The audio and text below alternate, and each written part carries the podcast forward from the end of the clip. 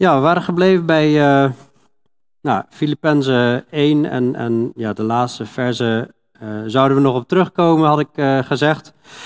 En ja, het is in ieder geval, ja, Paulus begint gewoon echt wel ja, met veel, veel blijdschap. Ook al zat hij in het lijden, hij was positief over de Filippenzen en hij ja, legt eigenlijk uit, ook zoals het hier staat, hè, het leven is voor mij Christus en het sterven is voor mij winst. Hè? Dat, dat leefde Paulus gewoon echt uit. Hè? En dat is gewoon ook voor ons um, ja, iets om niet alleen maar over na te denken, maar ook om echt te doen. Om het, om het leven van, ja, dat het, het leven voor ons echt Christus mag zijn en de sterven winst. En dan uh, ja, wil ik eigenlijk lezen vanaf hoofdstuk 1, vers 27 en dan tot en met 2, vers 18. Het liefst zou ik ook alles willen behandelen vanavond, maar dat uh, ja, kwam erachter dat dat niet helemaal gaat lukken. Maar uh, ook al heb ik uh, dat wel in het stuk staan, maar nou, in ieder geval dan wordt het een erg lange avond. Maar ehm, ja, vanaf hoofdstuk 1 vers 27, Filippenzen 1 vers 27. Alleen wandel het evangelie van Christus waardig, opdat ik, of ik nu kom en u zie of dat ik afwezig ben, van uw zaken mag horen dat u vaststaat in één geest en dat u samen eensgezind strijdt door het geloof in het evangelie. En dat u zich in geen enkel opzicht schrik laat aanjagen door de tegenstanders. Voor hen is dit een duidelijk teken van verderf, maar voor u van zaligheid en dat van God uit. Want dan nu is het uit genade gegeven in de zaak van Christus, niet alleen in hem te geloven, maar ook voor hem te lijden. Omdat u dezelfde strijd hebt als die u bij mij gezien hebt en nu van mij hoort. Als er dan enige bemoediging is in Christus, als er enige troost is van de liefde, als er enige gemeenschap is van de geest, als er enige innige gevoelens en ontferming zijn, maak dan mijn blijdschap volkomen. Doordat u eensgezind bent, dezelfde liefde hebt, één van ziel bent en één van gevoelen. Doe niets uit eigen belang of eigen dunk. Maar laat in nederigheid de een de ander voortreffelijker achter dan zichzelf. Laat de een de ander als, als beter zien dan zichzelf. Laat een ieder niet alleen oog hebben voor wat van hemzelf is, maar laat een ieder ook oog hebben voor wat van anderen is. Laat daarom die gezindheid in u zijn, die ook in Christus Jezus was. Die, hoewel hij in de gestalte van God was, het niet als roof beschouwd heeft aan God gelijk te zijn. Hij hield niet egoïstisch vast aan zijn positie, wil dat zeggen. Maar hij heeft zichzelf ontledigd door de gestalte van een slaaf aan te nemen en aan de mensen gelijk te worden. En in gedaante als een mens bevonden heeft hij zichzelf vernederd en is gehoorzaam geworden tot de dood. Ja, tot de kruisdood. Daarom heeft God hem ook bovenmate verhoogd en heeft hem een naam geschonken boven alle naam opdat in de naam van Jezus zich zou buigen elke knie van hen die in de hemel en die op de aarde en die onder de aarde zijn. En elke tong zou beleiden dat Jezus Christus de Heer is, tot heerlijkheid van God de Vader. Daarom, mijn geliefden, zoals u altijd gehoorzaam geweest bent, niet alleen zoals in mijn aanwezigheid, maar nu veel meer in mijn afwezigheid, werk aan uw eigen zaligheid met vrees en beven want het is God die in u werkt, zowel het willen als het werken, naar zijn welbehagen. Doe alle dingen zonder morren en meningsverschillen, opdat u onberispelijk en oprecht zult zijn, kinderen van God, smetteloos te midden van een verkeerd en ontaard geslacht, waaronder u schijnt als lichten in de wereld. Door vast te houden aan het woord van het leven, mij tot roem met het oog op de dag van Christus. Dat ik niet te vergeefs heb hardgelopen en mij ook niet te vergeefs heb ingespannen. Al word ik ook als een plengoffer uitgegoten, dat was een soort ja, drankoffer van wijn of iets. Dat goot je zo uit over het offer en de bediening van uw geloof. Ik verblijd mij en ik verblijd mij met u allen. En u verblijdt zich ook daarover en verblijdt u dan met mij. Nou, ik had al eerder gezegd, een hoop blijdschap, een hoop verblijden met. Uh, nou, blijdschap staat centraal, maar eenheid staat hier ook centraal. En je ziet ook dat we Jezus als voorbeeld moeten nemen. En ja, hoewel we in dat gedeelte waarschijnlijk nog niet uh, gaan toekomen vanavond, maar dat is wel een, een, ja, een hele belangrijke kern van, van dit gedeelte. Maar uh, ja, vanavond, ik heb de titel even genoemd, Eenheid in Christus lichaam. En uh, ja, goed, waarom wil ik dat lichaam erbij halen, zeg maar? Omdat dat wordt op meerdere plekken uitgelegd. En, ik denk dat we dat soms wel eens vergeten, waarom eenheid zo belangrijk is. Omdat als wij samen één lichaam zijn, nou, wij hebben allemaal een lichaam gekregen. Als je geen lichaam hebt, kun je niet horen wat ik nu zeg in ieder geval. Dat wordt heel lastig. We hebben allemaal een lichaam gekregen. En ja, hoe maken we gebruik van dat lichaam? Omdat uh, we maken gebruik van het lichaam, omdat dat, dat, dat lichaam luistert naar het hoofd. In, in het hoofd hebben wij een aanstuur. Uh, ja, het hoofd stuurt het, het, lichaam aan en alle lichaamsdelen horen te luisteren naar het hoofd. Dus als mijn hoofd zegt, we gaan nu met z'n allen, met al die biljoenen cellen in beweging en we gaan lopen, dan gaan mijn armen mee. Als ik 10 kilometer wil lopen, dan moet ik continu mijn armen en mijn benen coördineren om balans te houden, om vooruit te kunnen. Maar als het ene been iets anders wil dan het andere been, die wil, de een wil achteruit, de ander vooruit, nou, dan ga je rondjes draaien. Of je handen gaan gek doen, of je, je, rug die wil allemaal rare bewegingen maken. Ja. Dan krijg je hele vreemde situaties, hè, wanneer het lichaam niet goed samenwerkt. dus als je het plaatst in het kader van, ja, wij zijn allemaal gedoopt in het lichaam van Christus.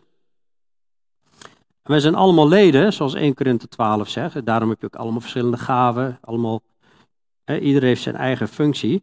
Maar het is wel belangrijk te beseffen dat wij het lichaam van Christus zijn. En dat wanneer we luisteren naar het hoofd. En het hoofd, dat is Christus natuurlijk. En die heeft zijn wil, zijn woord heeft hij achtergelaten. Daarmee wordt het lichaam aangestuurd in combinatie met de Heilige Geest, die alles bekrachtigt natuurlijk. dus als we dat beseffen, dan des te meer, we zijn het lichaam van Christus, wij horen Christus te vertegenwoordigen en te doen wat Christus wil, te wandelen zoals hij wil, dan des te meer motivatie zou dat mogen zijn om in eenheid te wandelen. want ieder van ons is onderdeel van dat lichaam.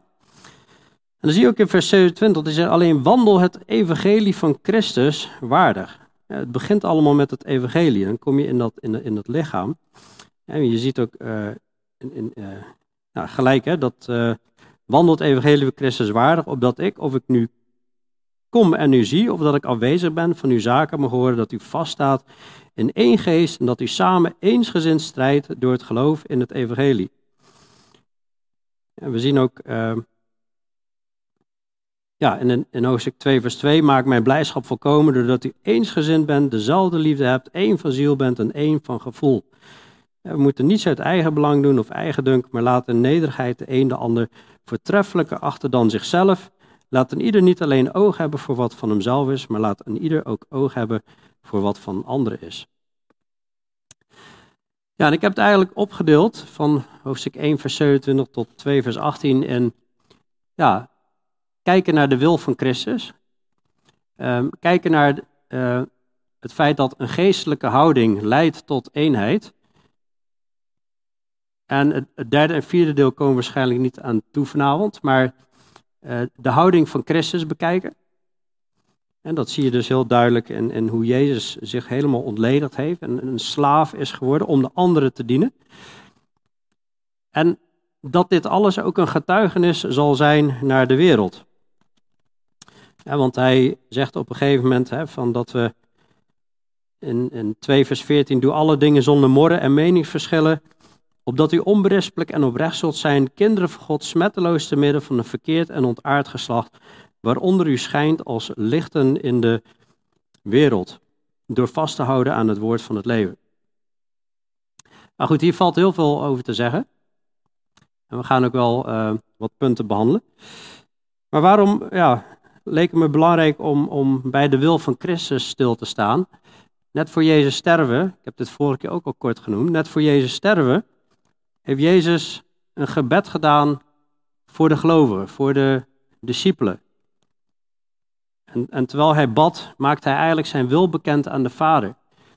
Hij had het eerst over de discipelen, de apostelen en zo, hè, die, die er toen nog waren, op dat moment. En uh, hij bidt, ik ben niet meer in de wereld, maar deze zijn in de wereld. En ik kom naar u toe, heilige Vader, bewaar hen die u mij gegeven hebt in uw naam, opdat zij één zullen zijn zoals wij. Jezus en de Vader waren één. Eén in liefde, één in waarheid. Nou, dan sla ik even een stukje over, een heel mooi hoofdstuk, maar dan gaat hij vervolgens verder. Heilig en door uw waarheid, uw woord is de waarheid. Zoals u mij in de wereld gezonden hebt, heb ook ik hen in de wereld gezonden. En ik heilig mijzelf voor hen, opdat ook zij geheiligd zijn in de waarheid. Ik bid niet alleen voor deze, die toen nog daar aanwezig waren, maar ook voor hen die door hun woord in mij zullen geloven. Met het doel, hè, opdat zij één, allen, opdat zij allen, belangrijk, allen één zullen zijn, zoals uw vader in mij en ik in u. Dat ook zij in ons, dus in de Vader en in Jezus, één zullen zijn, opdat de wereld zal geloven dat u mij gezonden hebt. En ik heb hun de heerlijkheid gegeven die u mij gegeven hebt, opdat zij één zijn zoals wij één zijn. Hij zegt echt meerdere keren, opdat zij één zijn zoals wij één zijn. Eén in liefde, één in waarheid. Ik in hen en u in mij, opdat zij volmaakt, nog een keer, opdat zij volmaakt één zijn. De bid Jezus tot de Vader en omdat de wereld erkent dat u mij gezonden hebt en hen lief gehad hebt zoals u mij hebt lief gehad.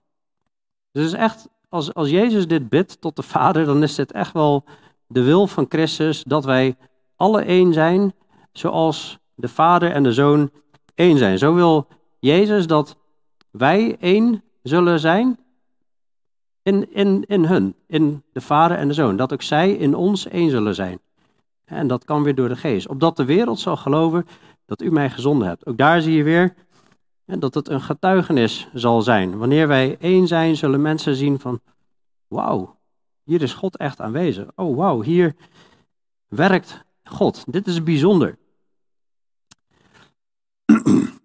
nou goed, heilig en in uw waarheid, uw woord is de waarheid. Dus we hebben ook de schrift hebben we dus nodig de waarheid om één te worden. Daar bidt Jezus voor, heilig en in uw waarheid, uw woord is de waarheid.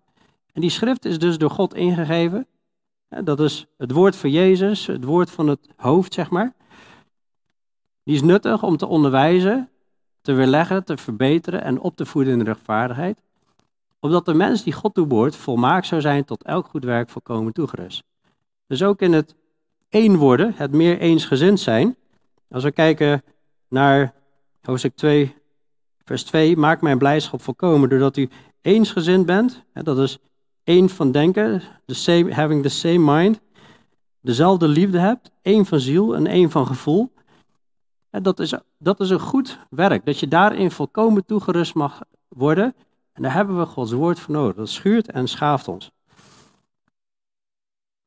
En dus daar, daar, daar roept hij ons toe op Vers 27, wandel het evangelie van Christus waardig, opdat ik, of ik nu kom en u zie of dat ik aanwezig ben van uw zaken mag horen, dat u vaststaat in één geest, dat u samen eensgezind strijdt door het geloof in het evangelie. En eensgezind, dat betekent dat je zonder verdeeldheid strijdt. Niet dus tegen elkaar, maar tegen de duisternis. Dat u samen eensgezind, zonder verdeeldheid strijdt door het geloof in het evangelie. Dit stuk van 2 Timotheüs 3 vers 16 wordt gevolgd door hè, dat er ook een tijd zal komen dat ze juist de gezonde leer niet zullen verdragen. En ze zullen leraars uitkiezen die het gehoor strelen. En dat zal alleen maar van eenheid afleiden, wegleiden. En dit stuk werd voorafgegaan door, in de laatste dagen zullen zware tijden aanbreken, mensen juist met de schijn van godsvrucht. En dus, maar de ware gelovigen, die gaan één zijn, als ze een bereidwillig hart hebben om één te zijn. En uh, als wij luisteren, hè, mijn schapen horen mijn stem, ik ken ze en zij volgen mij. En daar hoort bij hè, het streven naar één willen zijn.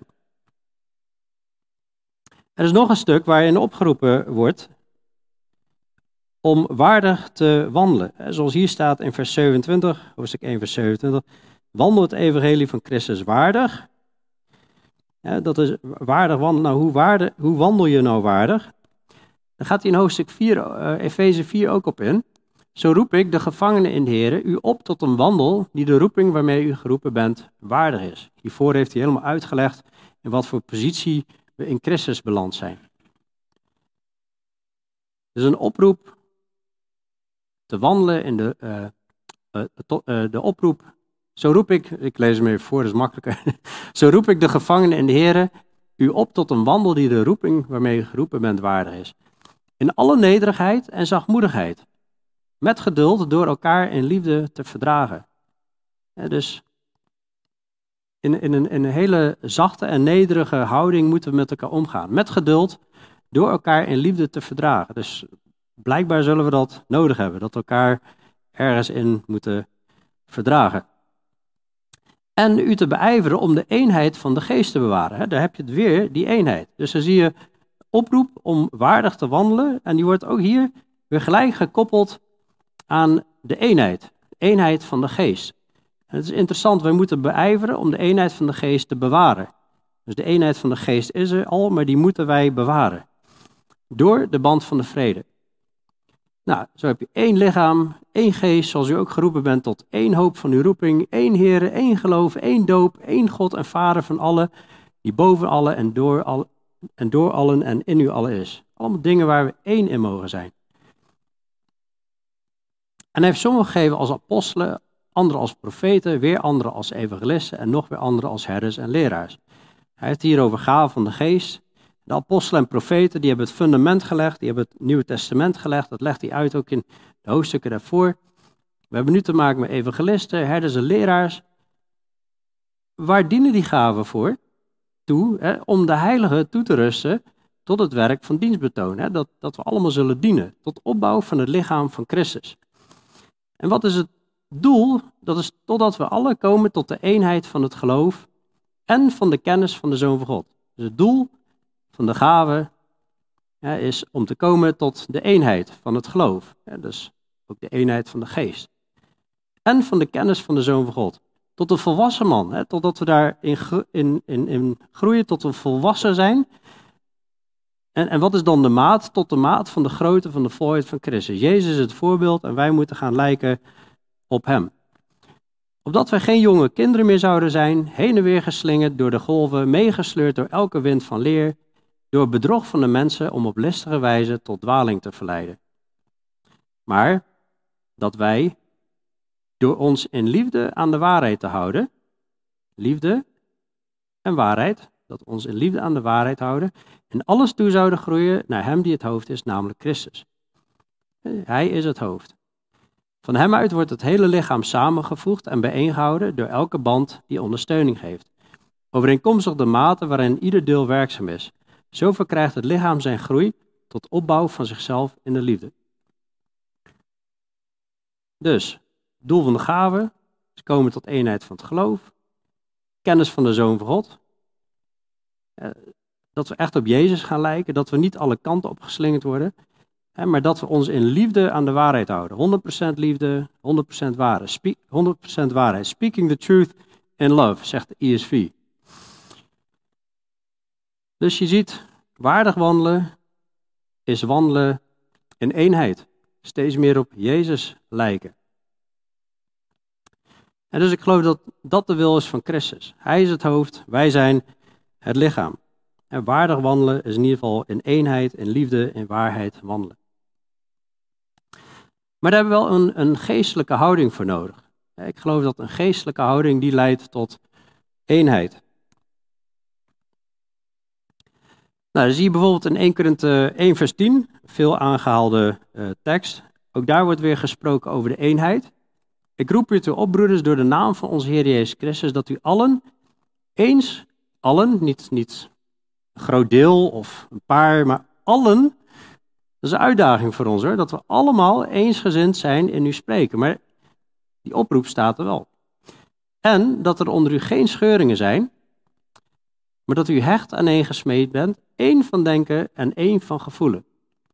Want mij is over u bekendgemaakt, mijn broeders, door de huisgenoot van Chloe, dat er ruzies onder u zijn. Ik bedoel dit, dat ieder van u zegt, ik ben van Paulus, ik ben van Apollos, ik ben van Kefas, dat is Petrus, en ik ben van Christus. Nou, dat is niet één zijn. De Bijbel leert dat we één moeten zijn. Wat waren ze gaan doen? Ze waren afgeweken van de waarheid. Ze waren kampen gaan vormen. Wat moeten ze doen? Eén van denken zijn, één van gevoel, hecht en. Er moeten geen scheuringen zijn. Alle moeten eensgezind zijn in, uh, in het spreken. Er moeten geen ruzies zijn. Nou, hoofdstuk 1 tot 4 gaat over dit probleem van die verdeeldheid in de, in de gemeente, in de eerste Korinthe gemeente. en ik, ik pak daar wat punten uit. Normaal zou je dat helemaal moeten behandelen, dat zou veel eerlijker zijn, maar ja, wordt een beetje veel voor vanavond. Maar een, een belangrijk punt in dat, in dat hele verhaal is dat hij eigenlijk zei, ja, jullie kijken naar de wijsheid van de van wereldse wijsheid, je moet kijken naar de wijsheid van, van God. 1 Korinthe 2 zegt, de natuurlijke mens neemt de dingen van de geest van God niet aan. Ze zijn dwaasheid voor hem. Hij kan ze ook niet leren kennen, omdat ze geestelijk beoordeeld worden. dus als wij gaan wandelen als natuurlijke mensen en niet wandelen door de geest, dan gaan we dingen op een horizontale manier bekijken en niet verticaal. De, de natuurlijke mens neemt de dingen van de geest van God niet aan. Dat is dwaasheid voor hem. En dan, hè, dat is hoofdstuk, hoofdstuk 2, en dan gaat hij in hoofdstuk 3 verder en dan zegt hij, broeders, en ik broeders kon tot u niet spreken als tot mensen die geestelijk zijn, maar als tot mensen die nog vleeselijk zijn, als tot jonge kinderen in Christus. En daar zie je dus al, hé, hey, wacht even, een, een geestelijke houding is belangrijk, want ja, Paulus kon hier nog niet tot hun spreken als tot mensen die geestelijk zijn, maar mensen die vleeselijk zijn. Dan legt hij uit, ik heb u met melk gevoed en niet met vast voedsel, want u kon dat nog niet verdragen. Ja, u kunt dat ook nu nog niet, want u bent nog vleeselijk. Als er immers onder u afgunst is en ruzie en tweedracht, bent u dan niet vleeselijk en wandelt u dan niet naar de mens. Want als iemand zegt, ik ben van Paulus en een ander, ik van, ik van Apollos, bent u dan niet vleeselijk? ze waren dus partijen aan het vormen. Ze waren partijschappen aan het creëren binnen de gemeente. Nou, waar roept Paulus toe op? Hij roept op tot eensgezindheid. hoewel, ik heb eerder gezegd, de brief is een redelijk positieve brief, hè? dus vol van blijdschap en zo, is er wel in, in Filippenzen uh, 4 zie je wel dat daar ook een, een probleem is. Eh, heel kort maar staat er in Filippenzen 4 vers 2, ik roep Euodia en ik roep Sintige ertoe op eensgezind te zijn in de Here. Vers 3, ja, ik vraag ook u, mijn oprechte metgezel, help deze vrouwen die samen met mij gestreden hebben in het evangelie, ook met Clemens en mijn andere medearbeiders van wie de namen in het boek des levens staan. En dus er was iets aan de hand tussen twee zusters. En uh, nou goed, voor, voor de rest in hoofdstuk 3 wordt wel genoemd van let op de honden, let op slechte arbeiders, let op versnijdenis. Het leek niet alsof dat al in het midden was, maar er wordt in ieder geval voor gewaarschuwd, voor, voor afwijkingen in de leer. Maar hoe dan ook, dit is een gevaar wat op de loer ligt. En als wij nog ja, jonge kinderen zijn, als wij nog niet een, een, geestelijke, uh, een geestelijk volwassen houding hebben, zeg maar. En dan kunnen we vaak elkaar niet verdragen. En als iemand erop wijst, kunnen we dat niet verdragen. En dan kunnen we allemaal niet handelen. En dan zegt Paulus, ja, dan zit je niet goed. Als er afgunst is, ruzie, tweedracht, hè, dus een splitsing, dan ben je vleeselijk. Dan wandel je niet naar, wandelt je dan niet naar de mens, hè, dan naar, naar die natuurlijke mens, hè, die de dingen van de geest niet begrijpt. En in 1 Korinthe 11 staat, wat ik nu beveel, in wat ik nu beveel prijs ik u niet, omdat wanneer u samenkomt, u er niet beter, maar slechter van wordt. Want ten eerste hoor ik dat er als u samenkomt in de gemeente verdeeldheid onder is. Dat is allemaal nog die Korinthe gemeente. En ten dele geloof ik dat. Want er moet ook afwijking in de leer onder u zijn, opdat wie beproefd blijken te zijn, in uw midden openbaar komen. En dus dit is, dat hebben Onno en ik al vaker benadrukt, laatste half jaar van er, moeten afwijkingen in de leer zijn, er moeten afwijkingen komen in de waarheid, want dat is een test, dat openbaart, opdat wie beproefd blijken te zijn in uw midden openbaar komen. En dus dat laat iets zien. Dat laat iets zien van wat er in het hart gaande is. dus dat is een, een spanningsveld. Aan de ene kant, ook hier in Filippenzen, moeten vaststaan in één geest, eensgezind strijden. Hoofdstuk 2, vers 2. Maak mijn blijdschap voorkomen doordat u eensgezind bent, dezelfde liefde hebt, één van ziel bent en één van gevoel. Dat is de oproep. Maar er zullen afwijkingen zijn. En dat heeft ook te maken met die, die gronden van het hart. Ik wil, ik wil het toch even laten zien. Ik geloof dat het daarmee te maken heeft. En dat je ehm, nou, de eerste grond van het hart, hè, dat is waar het woord gezaaid wordt en het wordt meteen weggerukt. Hè, dat, zul je niet heel veel tegenkomen in de kerk. Die willen niet eens in de kerk zijn, hoewel, ja, zou bij kinderen ook voor kunnen komen natuurlijk. Maar die tweede grond van het hart, hè, daar, dat, is, dat is een hart dat ontvangt het woord met vreugde. Maar het heeft geen wortel in zichzelf, geen diepte van aarde. Dus iemand van het ogenblik die maar voor een bepaalde tijd geloven. En als er verdrukking of vervolging komt in de tijd van verzoeking, omwille van het woord, struikelt die persoon meteen. Of die worden afvallig. Ik, ik, ik heb dit eerder een keer uitgezocht. Hè. Geel, dat is van het ene boek en, en met aanvulling in kleur vanuit het andere boek. Maar goed, heeft geen wortel, gaat niet heel lang geloven. Wanneer het moeilijk wordt, haakt zo iemand af. De derde grond is de grond in de doornes en dissels. Die, die, die focussen op de zorgen van de wereld. Die horen het woord, maar de zorgen van de wereld, verleiding van de rijkdom, begeerte naar al het andere en genietingen van het leven, of een van die, die komen erbij, die komen naast dat woord en dan gaat het het verstikken. En de persoon wordt gaandeweg verstikt. Het wordt onvruchtbaar, de persoon draagt geen vrucht. En dat, dat zijn gewoon waarschuwingen die Heer Jezus aan het geven is. Van ja, pas op, in welke grond je zit. want dit streven naar eenheid is wel de vrucht van de geest. Dus het, we moeten de eenheid van de geest bewaren door de band van de vrede. En God wil dat we vrucht dragen. Er is een hart dat vrucht draagt. Dat is een, het hart waar het woord in goede aarde gezaaid wordt. Dus iemand die het woord hoort, die begrijpt het, neemt het aan, houdt het in een oprecht en goed hart vast. En die zal ook in volharding vrucht dragen en, en, en, uh, en vrucht voortbrengen, de een 100, de ander 60 en de ander 30voudig. Dus het is heel belangrijk om ons hart te onderzoeken van, hé, hey, waar zitten wij? Waar staan wij? En ben ik volkomen bereid, ten koste van alles, zoals een Paulus, die in de gevangenis zat, die afgeranseld is, ten koste van alles, ook als er verdrukking komt, ook als er moeite komt, ook als de verleiding komt, ook als de zorgen komen, te zeggen: nee, maar ik ga door en ik ga mij richten op wat God wil, op het evangelie van Christus, daar waardig in wandelen. Ik ga de eenheid zoeken en ik ga me niet meer op mezelf richten, maar ik ga me op de ander en op Christus richten. In diezelfde Korinthebrief, daar zegt Paulus op een gegeven moment, weet u niet dat u Gods tempel bent? Hè, te midden van dat hele verhaal, hè, er is verdeeldheid, ik ben van Apollos, ik ben van Paulus. Weet u niet dat u Gods tempel bent en dat de geest van God in u woont? Als iemand de tempel van God te gronden richt, door die verdeeldheid geloof ik hier, zal God hem te gronden richten. Want de tempel van God is heilig en deze tempel bent u. dus pas op als je zegt, ik ben van ik ben meer van Onno, of ik ben meer van Philip, of ik ben meer van nou, wie, wie dan ook in de gemeente of buiten de gemeente. Op YouTube ben ik meer van John MacArthur. Laten we er ruzie om maken. Ik ben meer van John Piper. dat, dat soort verdeeldheden, dat moet er niet zijn.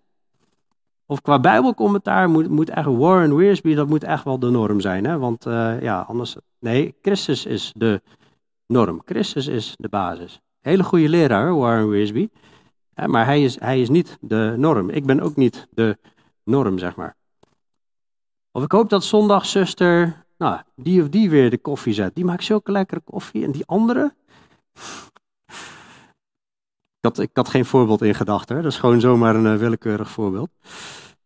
er, moet, er moet geen verdeeldheid zijn. Over, over wat dan ook moet geen verdeeldheid zijn. Geen verdeeldheid zijn. En Colossense zie je ook hoe we met elkaar op moeten gaan. Hè? Als nieuwe mens bekleedt u als uitverkoren God, heilig en geliefde, met innerlijke gevoelens van ontferming. Vriendelijk. Hè? Vriendelijkheid, nederigheid, zachtmoedigheid en geduld. En dat is ook hoe Paulus eigenlijk verlangde naar de Filippenzen. In hoofdstuk 1 vers 8 hadden we gezien, God is mijn getuige, hoe vurig ik naar u allen verlang met innerlijke gevoelens van Jezus Christus. Als we echt zo in de Heer zijn, echt met Hem wandelen, hebben we vurig verlangen naar elkaar. En hebben we ook een houding, en dan mogen we in groeien, van innerlijke gevoelens van ontferming, vriendelijkheid, nederigheid, zachtmoedigheid en geduld. En dat hebben we zo hard nodig allemaal, want we zijn ja, vaak zo gericht op onszelf. Onze gevoelens zitten vaak zo in de weg met van alles en nog wat. Verdragen elkaar, zullen we ook nodig hebben, elkaar te verdragen. Er zullen irritaties zijn. Vergeef de een de ander. En als iemand tegen iemand anders een klacht heeft, zoals ook Christus u vergeven heeft, zo moet u ook u doen. En dus als er een klacht is tegen jou, vergeef de ander. Ook als, ook als het onterecht is. En doe boven dit alles de liefde aan die de band van volmaaktheid is. En laat de vrede van God heersen in uw harten, waartoe u ook in één lichaam geroepen bent. Zie je het weer? Waartoe u ook in één lichaam geroepen bent. Dus het staat niet op zich, die eenheid, maar het, het, het komt overal terug. En die vrede van God, laat die heersen in uw harten. De, de vrede van God, dat is een vrucht van de geest. Liefde, blijdschap, vrede, de vrucht van de geest. Die geeft de Heilige Geest. Dan moeten we laten heersen in, uw, in de harten. Dus dat betekent, blus de geest niet uit. Bedroef de geest niet. Laat dat heersen.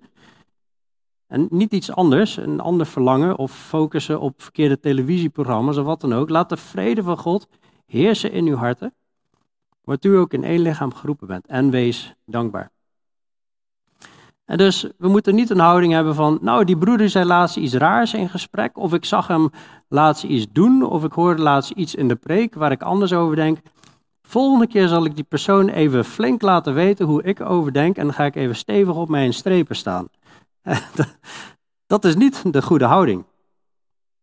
Ik hoop dat we daar mee eens kunnen zijn, dat we hier eenheid over kunnen hebben, dat dit niet de goede houding is. Een veel betere houding zou zijn, ik ben benieuwd of die persoon ook bewust is van dit Bijbelgedeelte wat ik nu in gedachten heb. Zou best kunnen zijn dat die andere persoon dat niet in gedachten heeft. Ik wil met hem of haar in gesprek, heren, echt in liefde en wilt u mij helpen om liefdevol en gevoelig de vraag te mogen stellen of hij of zij bewust is van dit Bijbeldeel. Wilt u mij ook openheid geven dat ik misschien zelf iets verkeerd kan inschatten? En dan ga je echt met een, met een, met een nederige houding, ga je naar iemand toe, met de openheid van, nou, die persoon kan iets uitleggen. En misschien heeft hij een heel goed inzicht, misschien leer ik er juist iets van. Hè, of nou, je kunt in twee richtingen zelfs iets leren uit zo'n situatie. Dus dat is, geloof ik, wanneer ik zie van, ja, met innerlijke gevoelens van ontferming, vriendelijkheid, nederigheid, zachtmoedigheid en geduld iemand benaderen, iemand verdragen. En nou goed, hier horen dan ook weer geestelijk op te reageren. Dat is natuurlijk waar de Bijbel ook toe oproept. Tegelijkertijd staat er ook, broeders, als iemand onvoeds tot enige overtreding komt, moet u die geestelijk bent zo iemand weer terechtbrengen in een geest van zachtmoedigheid. En dus, als je iets ziet, is wel belangrijk hè, dat je geestelijke houding hebt, of anders in ieder geval iemand die geestelijk is, uh, vraagt met die persoon te spreken of zo. Zo iemand weer terechtbrengen in een geest van zachtmoedigheid. Hou intussen uzelf in het oog, opdat ook u niet in verzoeking komt. En dus... Uh, nou, dat is heel mooi als je iemand weer zo kan helpen, als wij elkaar ook mogen helpen.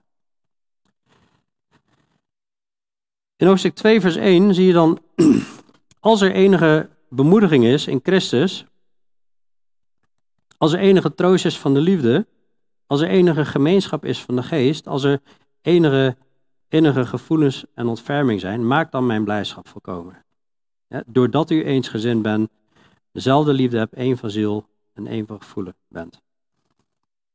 Ik uh, ja, ben me van bewust dat ik 28, 29 wel iets oversla. Hè. Dat gaat ook uh, en dat, dat je in geen enkel opzicht schrik laat aanjagen door de tegenstanders.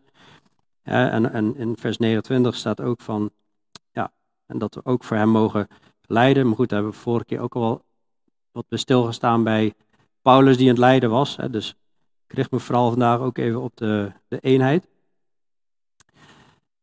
Maar in ieder geval in hoofdstuk 2 vers 1, als er dan enige bemoediging is in Christus, hè, dat, is niet bedoeld van, nou, mocht het ooit een keer voorkomen dat er toch een bemoediging zou mogen, mogen opkomen in onze gedachten. Nee, die, die is er natuurlijk. Hè, en, omdat, die er is, nou, het is meer omdat dat er is. Als er enige bemoediging is in Christus, en die is er. Als er enige troost is van de liefde, en die is er. Als er enige gemeenschap is van de geest, en die is er. Als er enige innige gevoelens en ontfermingen zijn, die, is, die zijn er. Maak dan mijn blijdschap volkomen. Waarbij ik eigenlijk nog, ik wil niet een Bijbel inleg doen, maar Paulus zegt, maak mijn blijdschap volkomen. Maar Paulus is al een apostel, een gezondene van Jezus Christus. En de schrift is door God ingegeven. En ik geloof dat je het ook zo mag lezen dat we hiermee Christus blijdschap volkomen maken. Maak ook Christus blijdschap volkomen en, en die van Paulus, doordat u, en ook die van mij en Onno en van elkaar, doordat u eensgezind bent, dezelfde liefde hebt, één van ziel bent en één van gevoel. maar als er dus een bemoediging is, als er enige troost van de liefde, als er enige innige eh, gemeenschap is van de geest, als er enige gemeenschap is van de geest, als er enige innige, leuk hè, al die enige innige gevoelens en ontferming zijn. Pas dat dan toe, maak mijn blijdschap volkomen hè, door die eensgezindheid, dezelfde liefde hebben, één van ziel zijn, één van gevoelen. Eensgezind, de same mind, hè, dezelfde gedachten hebben, dezelfde liefde, dezelfde ziel, één van gevoel. Dan opereer je als een lichaam. Als, je, ja, als al mijn lichaamsdelen samenwerken, moet je in het begin wel even leren natuurlijk. Ik bedoel, wij hebben een dochter Novi, die is net iets ouder dan een jaar. En die moest wel even leren om te coördineren met die lichaamsdelen. Maar aldoende leer je. Gaat een paar keer tegen de vlakte. Staat weer op, gaat weer lopen, zeg maar. Maar uh, komen we verderop in Filippenzen 4. Heel praktisch. Verder, broeders, al wat waar is. Eh, maakt, deze dingen allemaal praktisch. Al, al wat waar is. Dus deel de waarheid. Al wat eerbaar is, respectvol. Al wat rechtvaardig is. Gewoon wat goed is. Al wat rein is al wat lieflijk is, al wat welluidend is, wat goed klinkend is, als er enige deugd is, als er iets goed is en als er iets prijzenswaardigs is, bedenk dat. Bemoedig elkaar staat hier. Bemoedig elkaar gewoon door waarheid te delen, door, door reine dingen te delen, uh, liefdevolle dingen. En wat u ook geleerd en ontvangen en gehoord en in mij gezien hebt, doe dat en de God van de vrede zal met u zijn. Geweldige bemoedigingen. dus niet, ik ga naar de gemeente en hopelijk komt die ene broeder of zuster niet weer met zijn gezeur over zijn problemen. Hallo, ik heb ook mijn problemen. Het wordt tijd dat daar ook aandacht voor komt. als we met zo'n houding naar de gemeente gaan, zo van, nou, vandaag moet het maar eens tijd zijn dat er ook naar mijn problemen geluisterd wordt. Ik ben wel klaar met die problemen van de ander. Ja, dat is vleeselijk, hè, deze gedachte. Ik hoop dat we daar eenheid over kunnen hebben. Of is iemand er niet mee eens? Nee, geen hand, gaan geen handen luchten. Oké.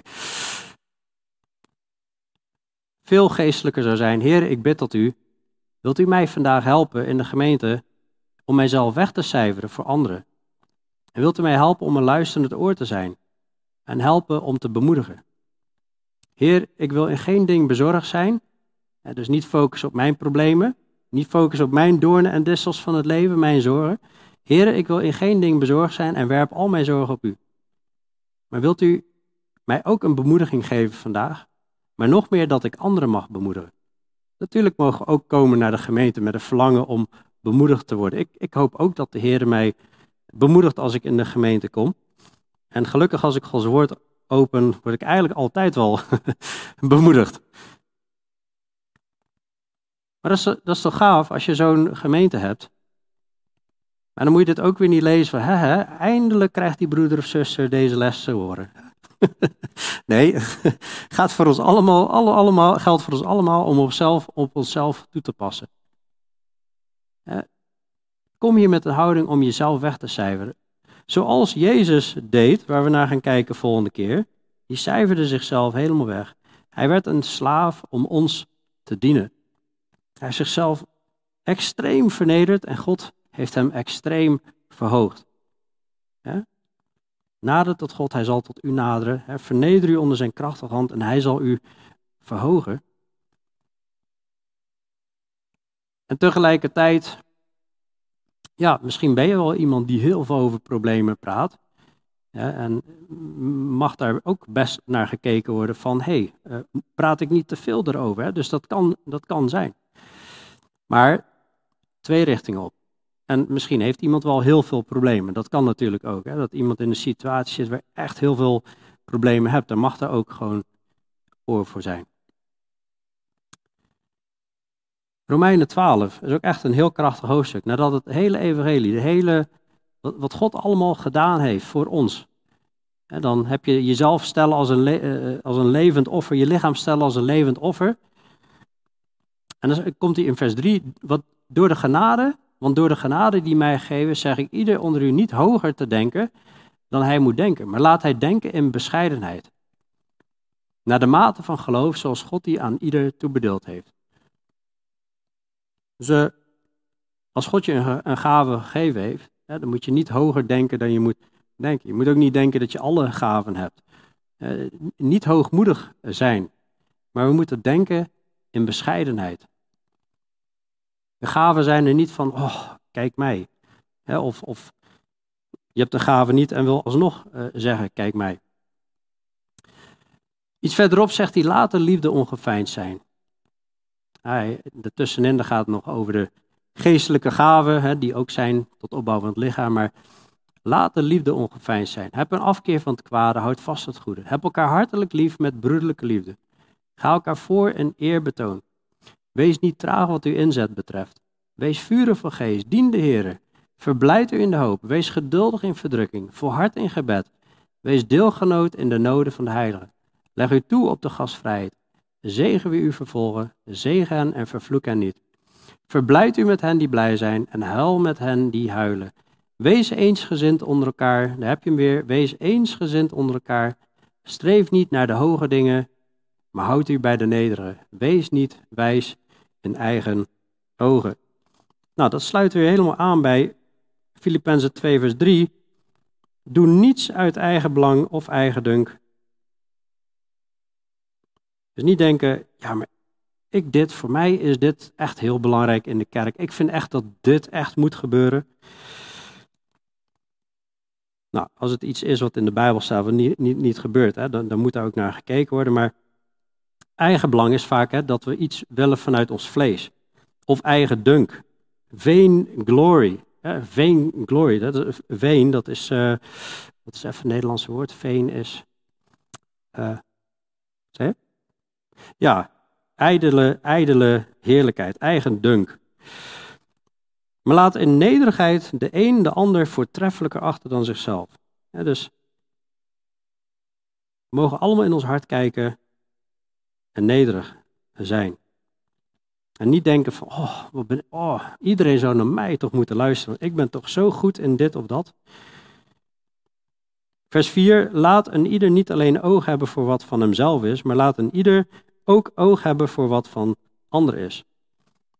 dus ja, er mag ook oog zijn voor wat van jezelf is, maar laat een ieder ook oog hebben voor wat van ander is. dus uh, dat is een een balans daarin, waar, waarbij je ook leert hè, dat je jezelf ook moet verlogen natuurlijk. Het hele, hele doel van het evangelie, het hele doel van het, ja, het grote gebod, geloof ik, hè, dat is het einddoel nu van het gebod is liefde die voortkomt uit een rein hart, een goed geweten en een ongeveinsd geloof. Oh, en, en we wijken daar zo makkelijk vanaf. En dat ging mis ging in, in de Efeze gemeente. Waren mensen waren weer een andere leer aan het leren en Paulus moest weer via Timotheus ingrijpen, moest een bevel geven geen andere leer te onderwijzen. Niet bezig te houden met verzinsels, hè, wat allemaal twistgesprekken oplevert. Meer twistgesprekken oplevert dan door God gewerkte opbouw in het geloof. Nee, hier gaat het om. Het einddoel van het gebod is liefde die voortkomt uit een rein hart, een goed geweten en een ongeveinsd geloof. Sommigen zijn ervan afgeweken en hebben zich gewend tot zinloos gepraat.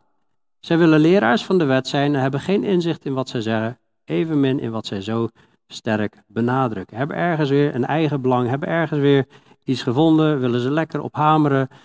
dat is een gevaar. Ook al breng je geen verkeerde leer, dan nog is het een gevaar als je met een eigen belang bezig bent.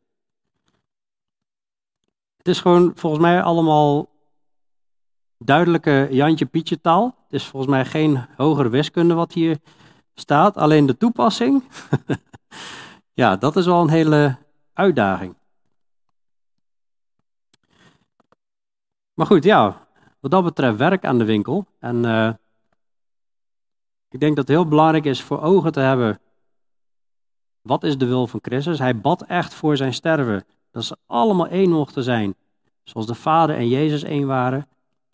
Wij zijn zijn lichaam en overal zie je, ik heb best veel teksten laten zien, zie je hoe belangrijk die eenheid is. Eén van gevoel, één van denken. Hier staat weer eensgezind, hè, dat is one of mind, één, één van denken. Dezelfde liefde hebben, één van ziel, één van gevoel zijn. En we doen dat met ja, de houding die geestelijk is, maar ook kijkend naar de houding van Christus, die een slaaf werd, die andere mensen de voeten wassen. Dat was een, was een hele smerige klus. En volgende keer kijken we ook naar het getuigenis, naar de wereld dat dat geeft. Ik denk ook dat het vooral gewoon goed is om ook zo te bespreken van ja, op welk terrein kun je nog groeien? Op welk terrein is er nog winst te behalen? En misschien elkaar te bemoedigen ook van hé, hey, ik heb daar in het verleden mee geworsteld en daar ben ik in gegroeid. Hè? Dat we iets mogen zoeken, even een stukje terug. Wat hieronder valt. Wat waar is, wat eerbaar is, wat rechtvaardig is, wat rein is, wat lieflijk is, wat welluidend is. Als enige deugd is, iets prijzenswaardig is, bedenk dat. En mogen elkaar door de week ook mee bemoedigen op de, op de app. Laten we in ieder geval uh, bidden hiervoor, dat God ons hiermee helpt. Vader, Heer Jezus, dank u wel dat u ons, Heer Jezus, als hoofd oproept om waardig het evangelie te wandelen.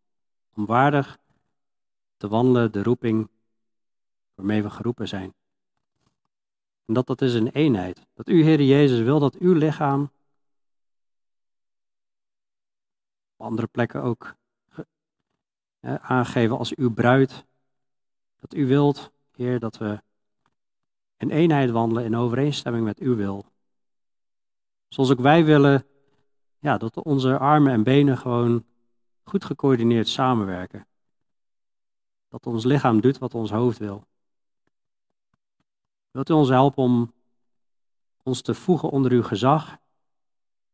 Om ons te vernederen voor u? Ook naar de ander, om nederig te zijn, Heer. Om dienaren van elkaar te zijn. Om elkaar in liefde te dienen. Niet ons eigen belang te zoeken. Geen eigen dunk te hebben. Oh, kijk mij hoe goed ik ben. En dat we dat ver van ons weg mogen doen. Heer, dat we naar de gemeente komen met een houding om te zoeken wat voor de ander beter is. Om een luisterend oor te zijn. Ook als we moe zijn. Ook als we het zelf zwaar hebben. Ja, als iedereen het moeilijk zou hebben en niemand oor heeft voor elkaar, wat voor getuigenis zouden we zijn? Wilt u ons helpen om ja, echt hierin te groeien? Wilt u ons de terreinen laten zien, hier waar we moeten verbeteren? Wilt u ons helpen om een geestelijke houding te hebben, niet, niet een vleeselijke houding? Dat er geen ruzies zijn. Als iemand een klacht heeft, dat we elkaar vergeven, dat we elkaar verdragen. Help ons om naar elkaar te kijken met de liefde, Vader, die u had. Dat ons helpen om met de liefde naar elkaar te kijken die u, Heer Jezus, heeft. Dat u bereid was uw leven af te leggen als Almachtige God om ons te dienen. Heer, wat een heerlijkheid zou dat zijn. Als we dat in de gemeente doen, in de gezinnen. Wat een, wat een ongelofelijke blijdschap is er dan bij u. Wilt u ons helpen om zo uw blijdschap volkomen te maken? En stel Paulus was er nog geweest dat we zijn blijdschap voorkomen hadden kunnen maken. Dat we op die manier mogen denken en handelen. Heer, dat vragen we. Heer, we, we beseffen dat we echt u daarvoor nodig hebben. Want zonder u kunnen we niks doen. In Jezus' naam. Amen.